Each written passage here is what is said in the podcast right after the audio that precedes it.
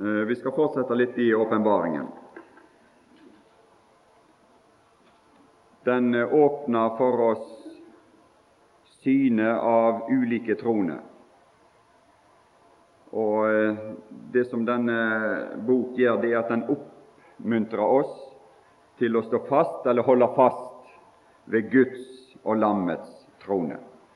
Når Satans trone eller dragens trone eller dyrets trone kjem i svake øyeblikk og gjør krav på vår underkastelse. At vi da står der for Hans ansikt som set på tronen. Det er en god plass å være der og oppholde seg der.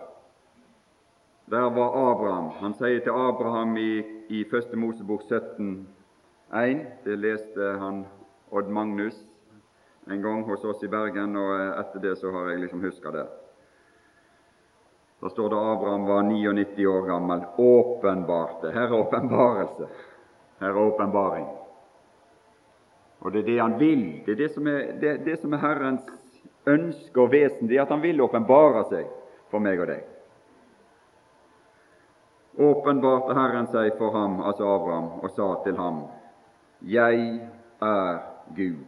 Han, fester, han ønsker liksom at Abraham skal feste oppmerksomheten på han. Jeg er Gud den allmektige. Det er for øvrig første gang det uttrykket er brukt om Gud i Skriften. Og Det var jo dette uttrykket og denne sannhet og denne karakter av Gud som Abraham ble så trofast mot i sitt liv Det står at han tenkte at Gud er mektig sant? til enda å oppvekke han ifra de døde når han ble bedt om å ofre Isak. Og I, i Romerbrevet 4 så står det også det at han trodde Gud. Han trodde at Gud var mektig til å gjøre det han hadde lovt. Han har jo presentert seg for meg som den allmektige Gud. Og den allmektige Gud er vel mektig til å gjennomføre det han har sagt og lovt. Og i den tro og i den åpenbarelse av Gud levde Abraham ut sitt liv mer og mer innenfor dette årsyn. Jeg er Gud, den allmektige. Vandre. Altså vær der hele tida inn for mitt åsyn, og vær ustraffelig. Det er konsekvensen av å være der. Det var ikke det at Abraham var sånn perfekt i alle sine valg og i alle sine, alt det han gjorde i den forstand. For det var både fall og nederlag og synd i Abrahams liv. Men han var inne med hele sitt liv for dette åsyn. Og så går denne mannen ut av verden og inn i den evige verden som en ustraffelig mann. En som det ikke skal ramme noe straff. Og den straff som skulle ha rammet han, den lot Gud ramme en annen i sin tid. Og innenfor dette åsyn så blir du ustraffelig. Vandre der. Så der gikk han. Og der seinere fulgte Isak og Jakob opp det samme forhold. Hvis du leser ut i, i Første Mosebok 48 og vers 15, så vitner Jakob om det overfor Josef. Første Mosebok 48, 15, så står det at eh, Jakob velsignet Josef og sa:" Den Gud for hvis åsyn mine fedre Abraham og Isak vandret. Og det hadde gjort inntrykk, Denne vandring hadde gjort inntrykk på Jakob. Vi ser det òg. Den gjorde inntrykk på Jakob, den gjorde inntrykk på omgivelsene enda til disse her folkene som, som, eh, som Abraham og Isak bodde iblant. De måtte erkjenne at de var Herrens velsignede, disse mennesker. Det var Herrens velsignelse over disse menneskene, måtte de erkjenne. Du, sa de til Isak, du er nå Herrens velsignede. De gjorde en observasjon av disse mennesker som vandra innenfor Guds åsyn. Den Gud som var min hyrde, Ja, det var mye sprell i uh, Jakobs liv, men han hadde lagt sitt liv, tross alt, i Herrens hånd, og det ble hans hyrde. Han som sitter på tronen, han er også vår hyrde. Fra jeg ble til, står det her. Fra jeg ble til. Fra mors liv. Fra jeg ble til og til denne dag. En, tenk på den trofasthet som ligger i dette utsagn. Alt det som Jakob stelte i stand, så var likevel Gud, han som satt på tronen, trofast som hans hyrde og hadde ledet han fram til denne dag. For i det hele så søkte Jakob dette åsyn, og han søkte den velsignelse og den rikdom som var å være en undersått under denne trone, der Gud sitter. Og det, det, er, det, det, er betagende å lese også i åpenbaringen om, om han, han, som vokter oss, han som er vår hyrde, i kapittel 7 og vers 15. Så står det om noen som er for Guds trone. Det er disse som har gjort sine kjortler hvite i lammets blod. Og Det står at de tjener ham dag og natt i hans tempel, han som sitter på tronen. Skal reise sin bolig over dem. De skal ikke hungre mer, de skal ikke tørste mer. Solen skal heller ikke falle på dem, eller noe hete. For lammet som er mitt for tronen, skal vokte dem. Lammet er deira hyrde. Lammet fører han. Guds lam er ledersauen i denne flokken.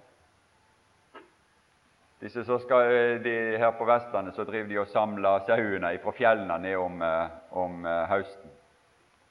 Og Jeg kjenner en som har hatt sau oppi der, og han sier at det som det gjelder er om å gjøre, det å få liksom ledersauen til å gå den rette veien, for da følger de andre etter. Her er bare én ledersau i Guds rike, og det er lammet. Det er Han som fører oss til livsens vannkilder. Det er Han som fører oss til Gud, til majesteten. Og her er litt av ei regjering der sjølve majesteten bøyer seg ned og er i stand til å ta seg av den enkelte i sitt store, mektige rike. Gud skal tørke bort hver tåre av deres øyne. Det skal Gud gjøre. For hver enkelt. Er det noen regjeringer i denne verden som ligner på sånt som dette? Vi kunne jo tenke det at, at lammet det, det, er jo lam som trenger hyrde. Men her er det lammet som er hyrden. Guds lam veit å gå veien og veit å lede an. Så det hjelper å, å komme inn i det følget og i den flokk og i den saueflokken som følger Guds lamme i dets spor, som følger lammet i hans spor, som det står litt, et uttrykk litt seinere. For det er et spor som fører til livet, til livsens vannkilder og til Gud, som skal tørke bort hver tåre av deres øyne.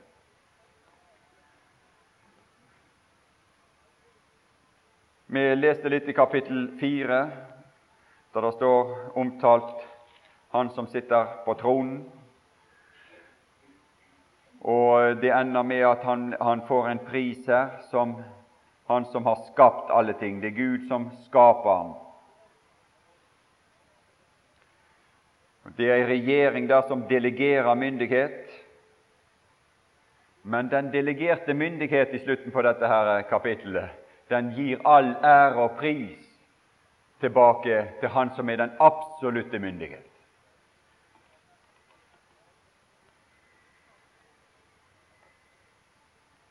Og de gjør det ikke fordi at eh, de, de i og for seg må, fordi at det er noen som tvinger de til det, men det er av pur overbevisning. Det er fordi at de er så overveldet av det synet av Han som sitter på tronen, At det, det, det, det er liksom ingen krefter som kan holde de tilbake med å si 'Hellig, hellig, hellig er Herren Gud den allmektige'. Og verdig er du, vår Herre og Gud, til å få prisen og æren og makten, for du har skapt alle ting, og fordi du ville, var de til og ble de skapt.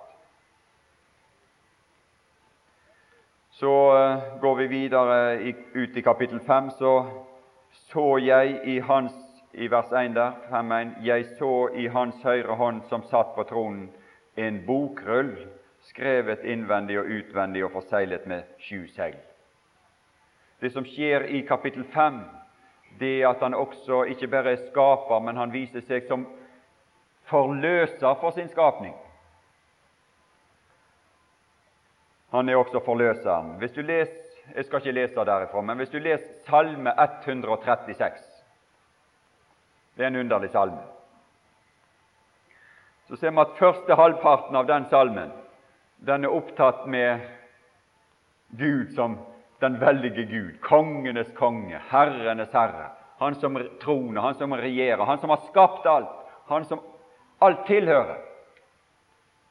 Og så ifra vers 10 i den salmen så, så går det over til å skildre hans utløsning, hans forløsning, når han trådte inn med makt i denne verden for å forløse og utløse sitt folk og føre det fram til det stedet han hadde tenkt og til den rike og det, den regjering og den situasjon som han hadde tenkt for dem.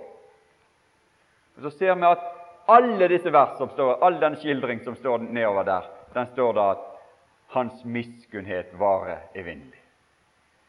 Hele denne beskrivelse, alt det han gjør, det er på en måte omringa med miskunnhet. Hans miskunnhet varer evinnelig.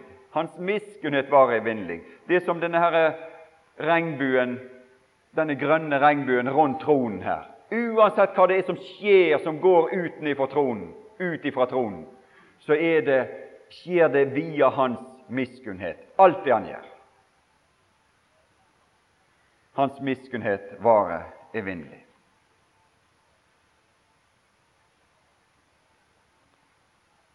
I Salme 33, i begynnelsen der, jeg skal ikke lese det heller, tiden går fort, så står det også litt om Hans Majestet og herlighet. Og Så kommer vi til et, et vers der det står om hedningenes tanker og det som var i deres hjerte. Og for at det skal bli levelig i den evige verden, så må det tas et oppgjør med det som heter hedningenes tanker og det som er i deres hjerte, for at det skal bli en opplevd realitet, det som står i, videre der i Salme 33, nemlig om det som er i Guds hjertes tanker. For det er noen tanker i Guds hjerte, og det er de tankene som er i Guds hjerte, det er de som skal dominere, det er de som skal rå, det er de som skal liksom gjennomsyre alt i hans regjering. Men det er nødvendig at det skjer et oppgjør og en ødeleggelse av hedningenes tanker og det som bor i deres hjerte. Og Det er det åpenbaringen viser for oss. Og det er, det, som, det er den vei som åpnes for oss her når disse, denne bokrøllen begynner å bli åpna.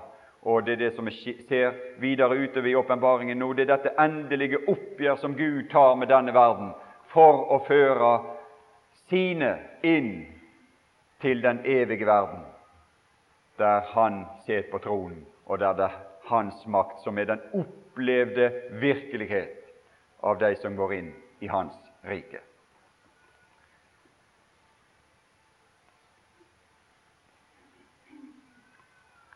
Jeg så i hans høyre hånd, som satt på tronen, en bokrull. Hva er det som er inni den bokrullen? Ja, den var skrevet innvendig og utvendig og forsegla med sju segl. Vi kan si det at denne bokrullen den representerer en plan. Den representerer det som står i Salme 33, nemlig hvordan Gud har tenkt å ødelegge hedningenes tanker og det som er i deres hjerte, og hvordan han har tenkt å føre fram til den tilstand som, eh, der, der, det er hans tanker og hans hjerte som rår. og der hans folk skal være og bo. Det er en plan og en beskrivelse. Det er greit å lage en plan og lage en beskrivelse, men en plan må også gjennomføres hvis den skal ha noe verdi. Den må gjennomføres. Og så lyder det et, spørsmål her i vers 2. Jeg så en veldig engel som ropte med høy røst, for at dette budskapet skulle nå inn i alle kroker og krær. Hvem er verdig til å åpne boken og bryte seilene på den? Hvem er det som har, hva slags entreprenør, hva slags hærfører, er det som har den kapasitet at han er i stand til å gjennomføre den beskrivelse og den plan som ligger i Guds hånd, i Guds høyre hånd. Kan ikke Gud reise seg på tronen og gjøre det sjøl? Nei, han kan ikke det. Han må ha en av det folk, en som, en som er av det folk. Det skal være en av det folk som han skal føre inn til dette, denne nye verden, denne nye jord, denne nye himmel. Det må være en av dem som gjennomfører det hele, for at det skal bli den gode løsning. Og da lyder dette rop som skal lyde inn i alle kroker og krær. Hvem er verdig til å åpne boken og bryte seilene på den? Og Vi ser i neste vers, i vers 3 her, at dette rop det lydde både i himmelen og på jorden og under jorden og i universets alle tenkelige steder så lydde dette rop og dette spørsmål. Hvem er det som er i stand til å gjøre slutt på elendigheten i denne verden? Og framføre et rike, en ny jord, en ny himmel, nye tilstander, der rettferdighet bor. Hvem er det som er i stand til det? Hvem er verdig til det.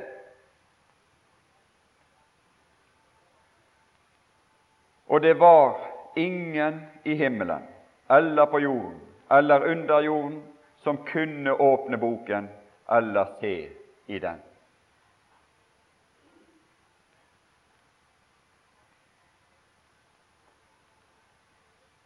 Og så hadde det en virkning på Johannes. Han ser denne verden med all dens gråt og undertrykkelse og krig og urettferdighet og drap og vold og forfølgelse og sult og nød og håpløshet. Og så ser han det ligger noe Guds, i Guds høyre hånd som er løsningen på å få en slutt på alt dette. Men så var det ingen som var i stand til å gjøre den jobben. Da gråt jeg så, fordi ingen ble funnet verdig til å åpne boken eller se i den. Sjå Guds løsning. Og Det er liksom denne gråten her det er jo den som kan ta oss. Det er mye av denne arten av gråt. Skal verden bare fortsette å være dette skuespill, denne arena for, for, undertrykkelse, for vold, for urettferdighet, for forferdelse, for umoral, for synd, som ødelegger forhold? Skal den bare fortsette slik? Skal den tale om et, et, et Gudsrike bare være et sånt glansbilde som ligger der som en urealisert plan. Da gråt jeg sårt. Det er på en måte håpløshetens gråt som tar Johannes i dette verset her, vers 4. Da gråt jeg så, fordi ingen ble funnet verdige til å åpne boken eller se i den. Men så var det en av disse eldste som var på tronen der. Og han hadde øynene med seg. Han hadde hatt øynene med seg. Han hadde sett på det som foregikk der ved tronen, og det som skjedde rundt tronen der. Og så hadde han lagt, lagt merke til noe. Og så hadde han lagt merke til en som liksom kom så stilt og rolig der.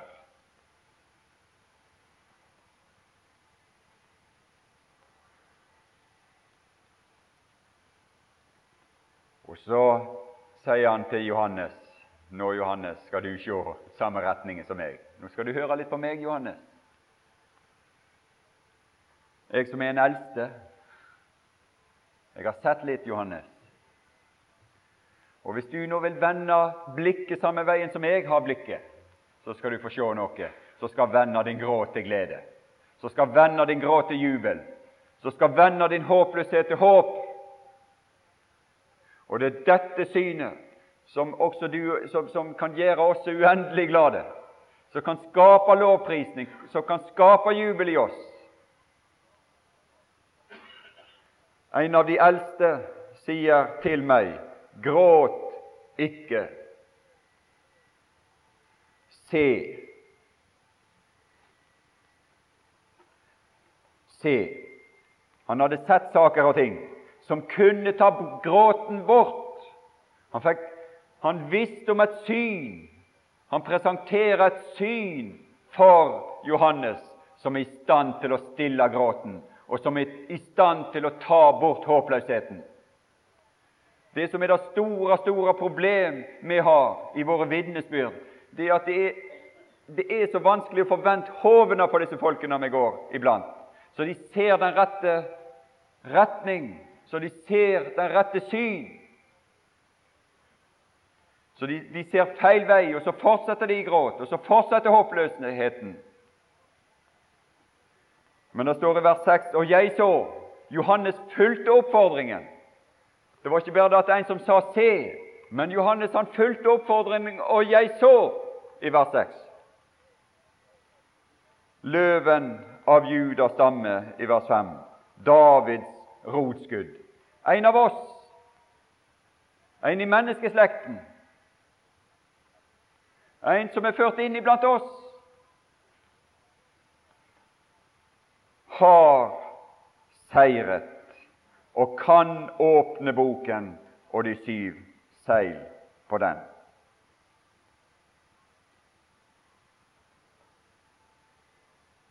Og nå, Johannes, skal du skrive om han, så menighetene også skal se han så folkene skal se han, som jeg har sett han, og som du skal se han. Han har seiret. Her er en som ikke har blitt underkua av undertrykkelsens krefter i denne verden, og som ikke har aldri et øyeblikk har bøyd seg for Satans trone. Det er en som har overvunnet denne verden. Og Han, han sier, taler om det i Johannes 16, det siste verset der. I Johannes 16, 33. Dette har jeg talt til dere for at dere skal ha fred i meg. I verden har dere trengsel, men vær frimodige. Jeg har overvunnet verden. Det kom aldri et øyeblikk i hans liv der han måtte gi etter for kravene fra Satans trone. Aldri et øyeblikk. Men i alt han gjorde, og i alt han var, så var det seier over verden. Jeg har overvunnet verden. Og I Kolossenserbrevet 2, 15, det kjente ord som, eh, der, som de fleste sikkert kjenner her, så står det jo om Han som seiret over makter og myndigheter og herrevelde og alt som er, er, er, er av opposisjon. Han viste seg som seierherre over dem på korset. På korset. Korset er ei enorm kraft. Kristi kors er ei makt. Det er ei ødeleggende makt mot alt som er i denne verden. Det ødelegger denne verdens visdom. Jeg vil ødelegge de vises visdom og de forstandiges forstand, blir det sitert i 1. Korinterbrev 1, når det taler om kraften i Kristi kors. Men kraften i Kristi kors er ikke bare ei ødeleggende makt mot denne verden, som overvinner og seirer over denne verden, Kristi kors, er også denne forunderlige kraft til frelse for hver den som tror. Som bygger opp og tar ut et menneske og frelser det for tid og evighet. Vær den som tror.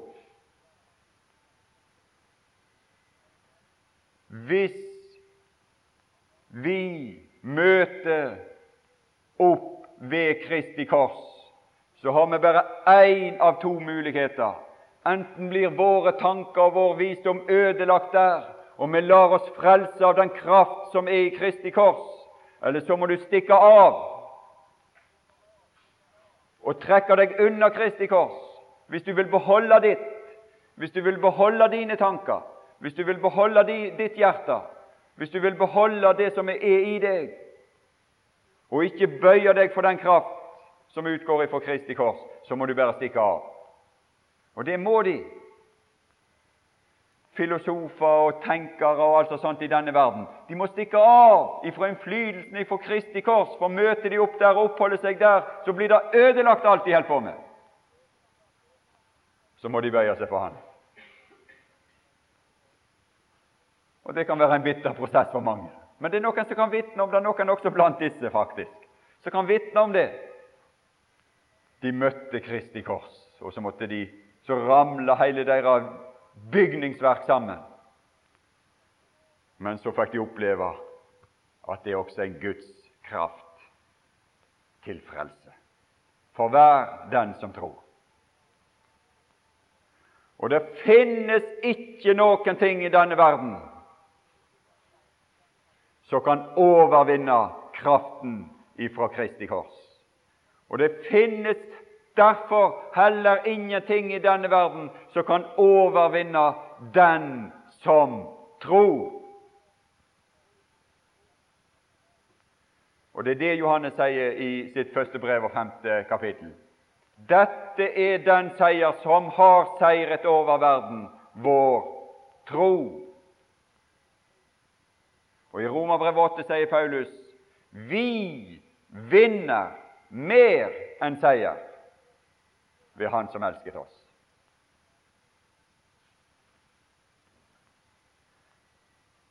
Men uten Han er det ingen seier. Uten Han som har seiret, er det heller ingen seier for oss. Men det står jo i kapittel 2 og 3 om den som seirer. Hvem er den som seirer i kapittel 2 og 3 i åpenbaringen? Den som seirer, han vil jeg gi, og osv. De forskjellige ting til de forskjellige menigheter der. Den som seirer. Hvem er den som seirer? Det er han som står ved Kristi kors og tror. Det er han som seirer over denne verden over Satans trone.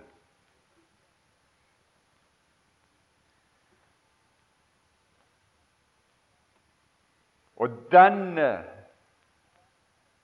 som var der og seiret, han er det som har denne verdighet til også å føre det verk fram til sin fullendelse når han leder det hele fram til den nye himmel og den nye jord i slutten på åpenbaringen. Og jeg så i vers 6, i kapittel 5 og vers 6, Johannes' åpenbaring igjen, og jeg så midt imellom tronen og de fire livsvesener. Der var han, der var han kommet, midt imellom tronen.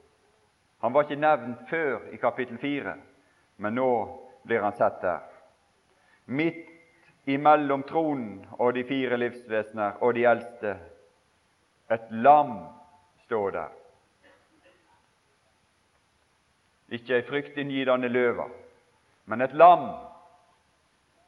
Men det er jo dette lammet som har seira, og det er, jo, det, det er, jo, dette lammet som de sier i, i kapittel 6 og vers 16, der det står om kongene på jorden og stormennene og krigshøvdingene og de rike og de veldige, og hver trell og hver frimann. Det gjemte seg i hulene og mellom berghamrene, står det i, i 6.15. Og de sier til fjellene og hamrene, fall over oss og skjul oss for Hans åsyn, som sitter på tronen, og for lammets vrede. Lammets vrede. Tenk for en overveldende opplevelse å møte et lam og bli tatt av frykt.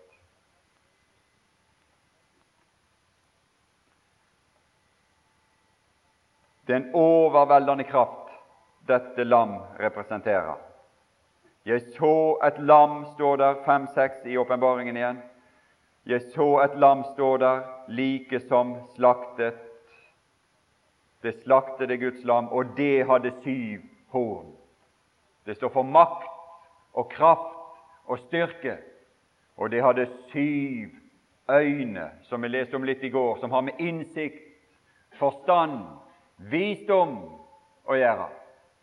Og denne er det som har både har kraften til, ressursene til, og visdommen og kunnskapen og innsikten til å gjennomføre det som er i hans bok, som sitter på tronen og bryte seglene på den bok og gjennomføre det som står i boken.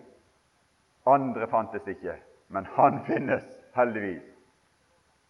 Og det er vår redning, og det er vår glede, og det er vår pris at han var der, og han finnes. Og han skal gjennomføre dette.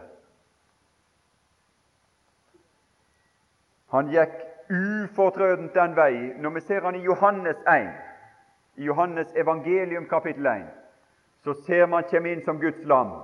Og du verden for et syn! Et lam som bærer verdens synd. Der ser døperen et lam stå der, og med den enorme byrde, verdens synd, ser han han komme gående.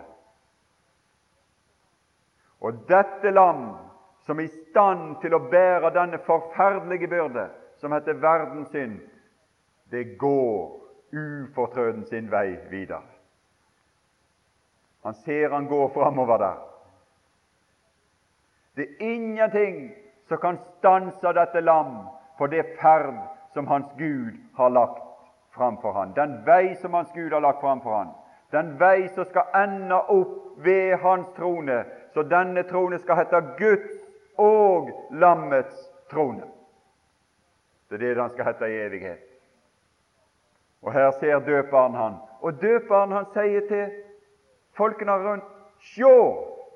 Akkurat som den eldste her. Kanskje det er Johannes døperen som sitter på en av disse tronene, hvem veit? Kanskje han er en av disse eldste. Han sa i hvert fall i Johannes 1 Sjå, der er Guds lam.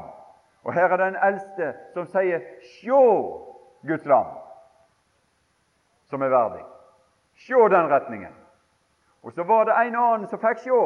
Så var det en annen som, opp, eh, som fulgte oppfordringen. Og Johannes her, han fulgte jo den oppfordringen i Johannes 1. Og så gikk han etter. Og det eneste, kan du si, dette lam som går denne vei rett igjennom og fram mot tronen der han skal, han vil ha noen med seg. Han samler noen bak seg. Og Johannes han så dette, fulgte denne oppfordring og så dette lammet. Og så gikk han ut av sin vei, og så gikk han bort og sa Herre, hvor, hvor har du ditt herberge? Hvor er det du bor? Hvordan er det der du er? Hvordan er det i ditt hus? Hvordan er det du regjerer? Jesus han gikk framover der, og så snudde han seg, og så sa han, 'Hva er det det søker? Hva er det det vil?' Det var noen som søkte han. Vi vil gjerne være med deg, Jesus, vi vil gjerne se hvordan du har det i ditt hus. Vi vil gjerne oppleve hvordan du er Og det ble deres salige livsvalg. Og de skal være i dette herberget, og de skal være i denne regjeringen, og de skal være sammen med denne for evigheters evighet. Og det kan alle som kommer til Han, skal de være der sammen med Han. De som vil gjøre som Johannes og Andreas og følge lammet. Og Her får Johannes en ny opplevelse av lammet, kan vi, kan vi si. En fornya opplevelse av lammet. Samme opplevelse på en måte som han hadde i Johannes 1. Men her får han en fornya opplevelse av lammet, og han ser lammet da som bryter, tar denne boken, som går fram her i vers 7, kapittel 5 og vers 7 i åpenbaringen. Det kom og tok den av hans høyre hånd som satt på tronen. Og så ser vi i kapittel 6 og vers 1 Jeg så da lammet åpnet et av de sju segl. Og så ser han og ser han og ser han lammets gjennomføring av Guds plan fram imot det evige riket, imot den nye jord og den nye himmel. Det er liv i Han.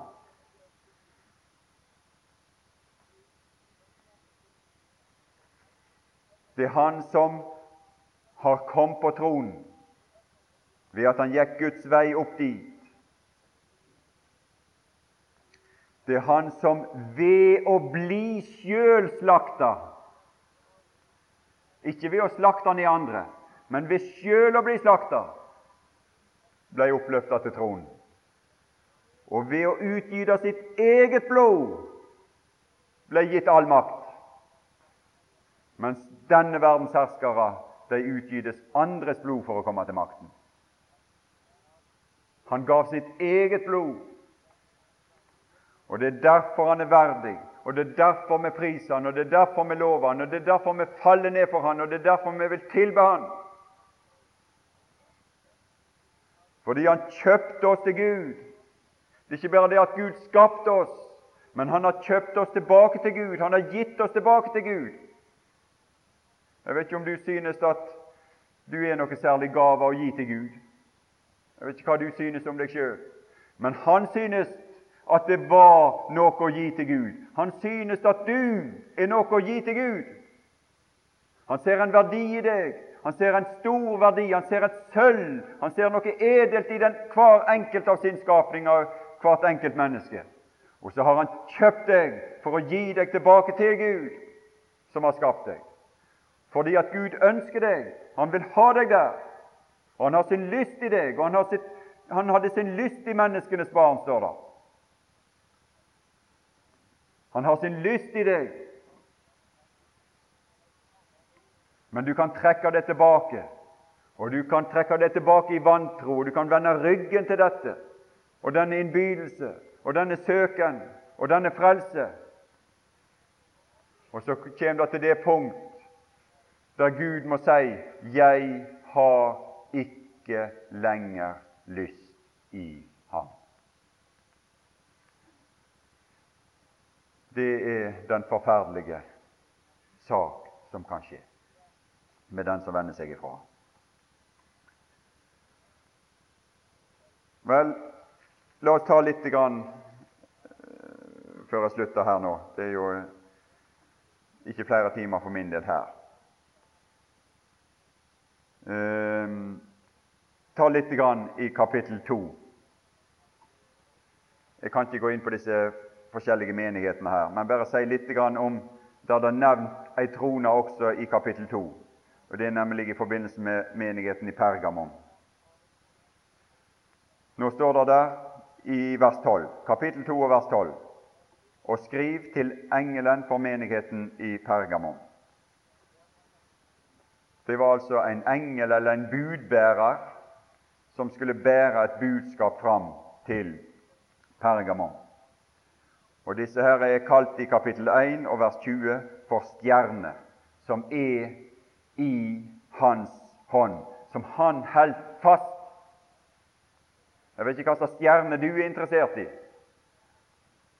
Det er noe som heter filmstjerne, ikke det? Og de klistrer de opp som idol overalt.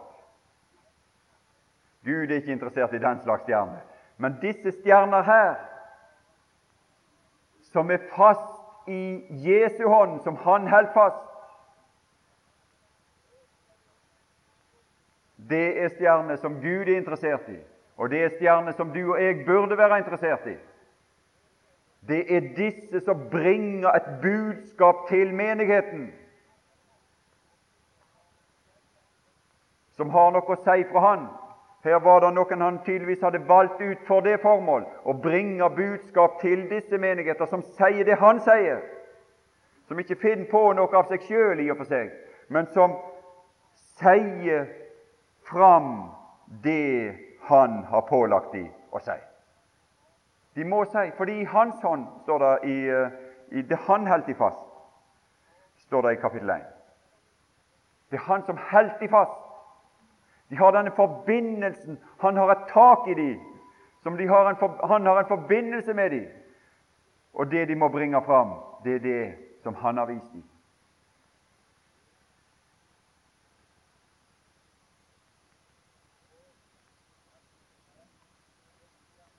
Dette sier han. Og det er, sånn, det er et sånt kongelig uttrykk. Det er et kongelig dekret, som det heter for fint som de gamle persiske kongene brukte når de skulle liksom innlede sitt majestetiske budskap til folket. Så sa, brukte de akkurat dette uttrykket som står her. Dette sier.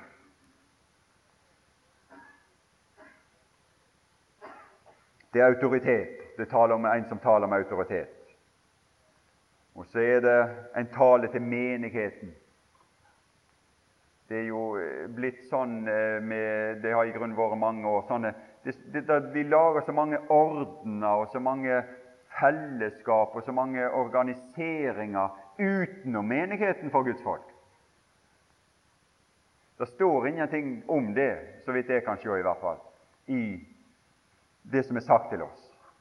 Vi skulle utøve, egentlig utøve vår virksomhet i forbindelse med menigheter.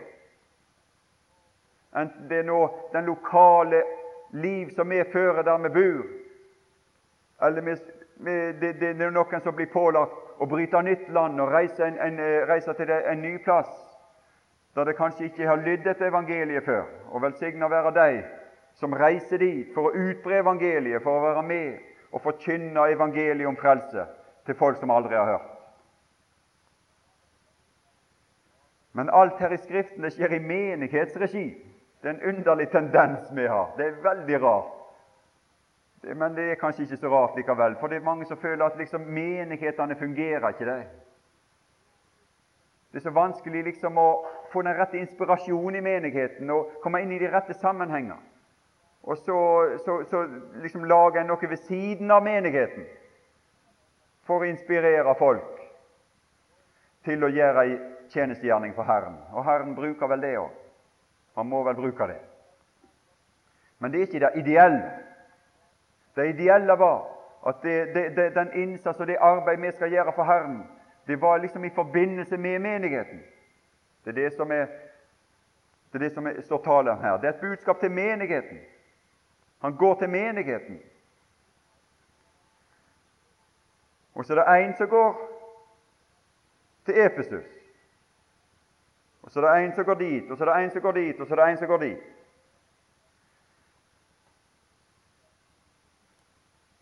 Vel, det er noe å tenke på i denne tid der det er et vell av organisasjoner og samfunn og apparat som liksom definer, har definert seg ved siden av meningen. Det er, en, det er, litt underlig, egentlig. Og det er mange av de beste og de mest innvidde og de ivrigste som går dit. Men vi skulle tenke litt på det at vi ikke glemmer menigheten. For det glemmer ikke Han som sitter på tronen. Han har omsorg, han har omsorg for menigheten, han. Så la ikke, la ikke oss glemme vår plass i menigheten. På den plass på denne jordens overflate som Gud måtte ha for deg. Om det er der du er født og oppvokst, eller om det er i det landet som du er født og oppvokst, eller om det er på et fjernt hjørne der de aldri har hørt evangeliet. Hvis du, hvis du har det sånn at du skal dit, og Herren kaller deg dit, så reis dit for å forkynne evangeliet, at det kan bli et menighet og et vitnesbyrd også der.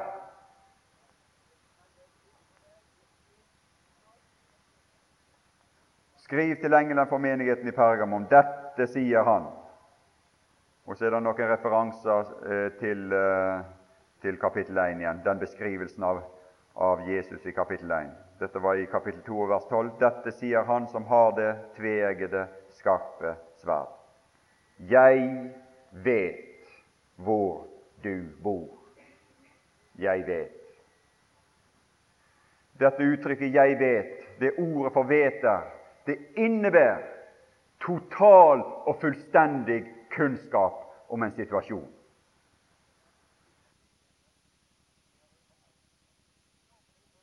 Mer informasjon. Han trenger liksom ikke lære å sette seg ned. Jesus trenger ikke sette seg ned og lære om min og din situasjon. Og liksom Litt nå og litt da, og så greier han å samle dette sammen og analysere, og så liksom lager han seg et bilde liksom av hvordan har de det nå egentlig her i Pergamon. Hvordan har nå du det egentlig? Han som er, sitter på tronen, han som er på tronen i himmelen, han veit alle detaljer til enkelhet i din situasjon. Jeg vet. Det er det det uttrykket betyr. Jeg vet. Det er fullstendig og total kunnskap. Det som er vårt problem, er at han med sin viten ikke gjør noe. Han griper jo ikke inn. Du, Jesus, som sitter på tronen og er gitt all makt, du sier til alle disse menighetene 'Jeg vet, jeg vet, jeg vet om alt som er gale. Jeg vet om alt som er godt. Jeg vet om gjerningene dine. Jeg vet om hvordan du har det. Jeg vet om alle enkeltheter.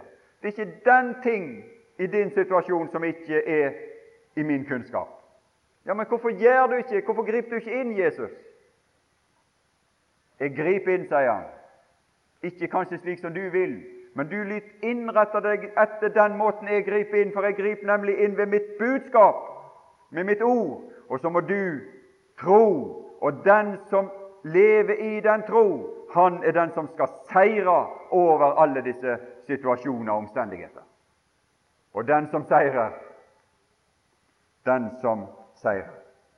Du må ha først ha et øre som hører det som Ånden sier til menighetene. Og så tror du, og den som tror, han seirer. Den som seirer, han vil jeg gi, osv. Det er slik forholdet Men for meg er det uendelig godt å være klar over at han veit alt om meg. Det er ikke én ting i mitt liv som kommer som noe overraskelse for han. Det er ikke én ting i ditt liv som han ikke vet om, eller i menigheten, i forsamlingen. Han har total kunnskap. Og her kan vi jo si at forholdene er jo ille, omstendighetene er ille for disse stakkars folkene i Pergamon. Der du bor, der hvor Satan har sin trone. Og en trone forlanger underkastelse. Og en trone, denne Satans trone forsøker med makt midler. Og hvis ikke det går, så forsøker han med list, med listige angrep, å legge oss inn under sin myndighet.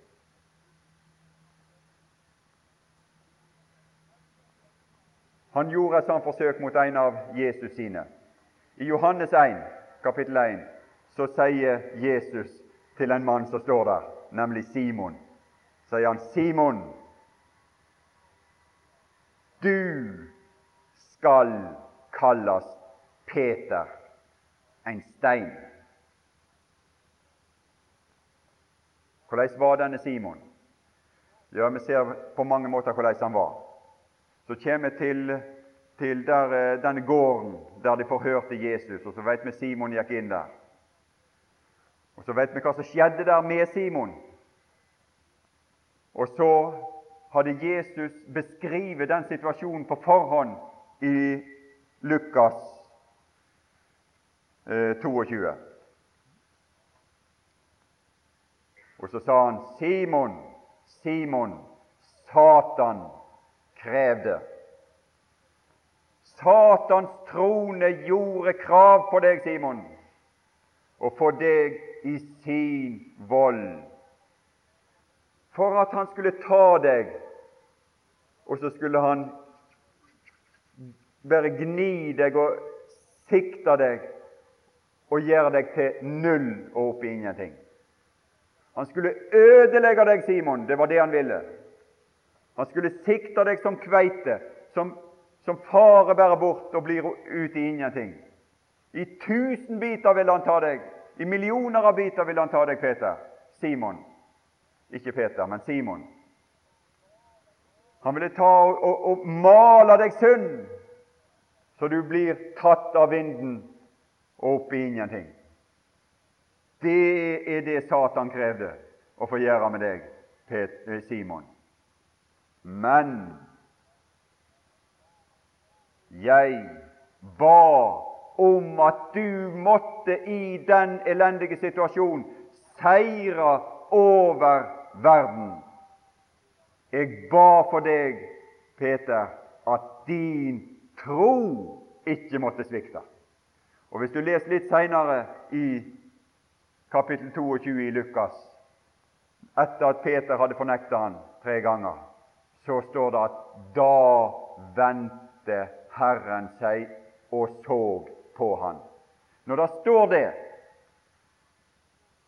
hva hadde skjedd?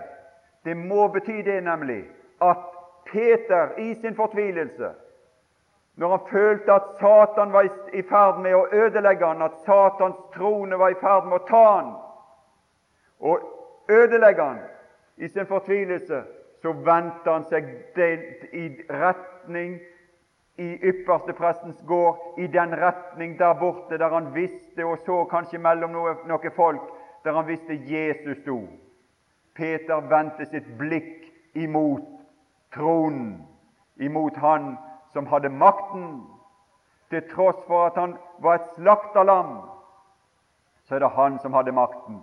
Peter vendte seg dit, og det oppdaga han som er på tronen og har makten. Og så vendte Jesus seg. Det fantes ikke noen soldater eller noen krefter eller noen ypperste prester eller skriftlærde eller fariseere eller noen ting som i den situasjonen der Jesus sto bunden, var i stand til å hindre Jesus i å vende seg og se på Peter. Og Hvis det sto noen kanskje rundt der, så var det så veik disse til sides for hans blikk. Og det var direkte kontakt, ansikt til ansikt, mellom han som er på tronen, og Peter i det øyeblikk der. Han vendte seg og så på Peter. Og Peter mistet ikke sin tro. Han ble værende i denne troen på han, og han gikk gråtende ut av den hagen. Og Han måtte bare erkjenne senere i slutten på Johannes, når han var innenfor Herren igjen Du veit alt. Du veit alt. Det er godt for oss, for meg og deg, å ha med ei slik trone å gjøre, som ikke bare veit alt, men som er i stand til å lede oss seirende ut av de mest ynkelige nederlag som vi kan vikle oss inn i i vårt liv her i verden. Dette er den seier som har seiret over verden, vår tro. Og Peter gikk ut av hagen som en seirende, i kraft av hans forbindelse med tronen, med Han som har seiret. Frykt ikke, jeg har overvunnet verden. Og den samme kraft var det som ble han til del i det ynkelige øyeblikk der, og han gikk ut som en seirende. Og så skal, så, så, så, så Peter han, Det gikk i oppfyllelse det som han sa. Du er Peter. Du er en stein. Satan skal aldri greie å ta den steinen og male den sånn til, til støv men du er en stein. Jeg har gjort deg til en stein, og du skal være en levende stein i min bygning, i mitt hus, for evigheters evighet. Og Det er det han oppfordrer oss til, Peter, også i, i 1. Peter 2, når han taler om at, at vi må lenge som nyfødte barn etter dette ordet, som kan bygge inn i oss disse tingene her, og bli også med oppbygde som slike Petere, som slike levende steiner som inngår som en brikke i dette store byggverk som heter Guds hus, som skal stå i evigheters evighet. Det er det han vil. Vi opplever av og til at det, det, det er noe som heter vekkelse, og mennesker blir omvendt til Gud. Det som er så sårt ofte, det er når du ikke merker hos de som er nyomvendte, som det heter, når du ikke merker noen ting av denne lengten, denne trangen som Peter taler om, og lenges som nyfødte barn. Hva, hva er dette for noe? Hva slags omvendelse er dette som ikke skaper den trangen? Og kanskje du og jeg skulle være med og prøve å framelske og skape den trangen. Det er av og til de, sånne nyfødte visstnok må, må, må liksom bli ført til brystet for å få liksom sansen for det som kommer ut derifra. Så vi kunne kanskje være med og hjelpe noen slike, slik at de blir født inn som steiner som står urokkelige og i stand til å gjøre det som de gjorde her i Pergamon. Jeg skal avslutte med det i kapittel 2 og vers 13 i åpenbaringen. Du holder fast ved mitt navn. Alle konger har et navn, og de ønsker at det navnet skal gå igjen hos sine undersåtter. Men du har holdt fast ved mitt navn, og du fornektet ikke min tro. Selv om forfølgelsen var svær, selv om omstendighetene var forferdelige, så fornektet du ikke min tro. Midt i den omstendighet Satan krevde å få deg i sin vold. Du fornektet ikke min tro, og du sier rett. Det er mulig.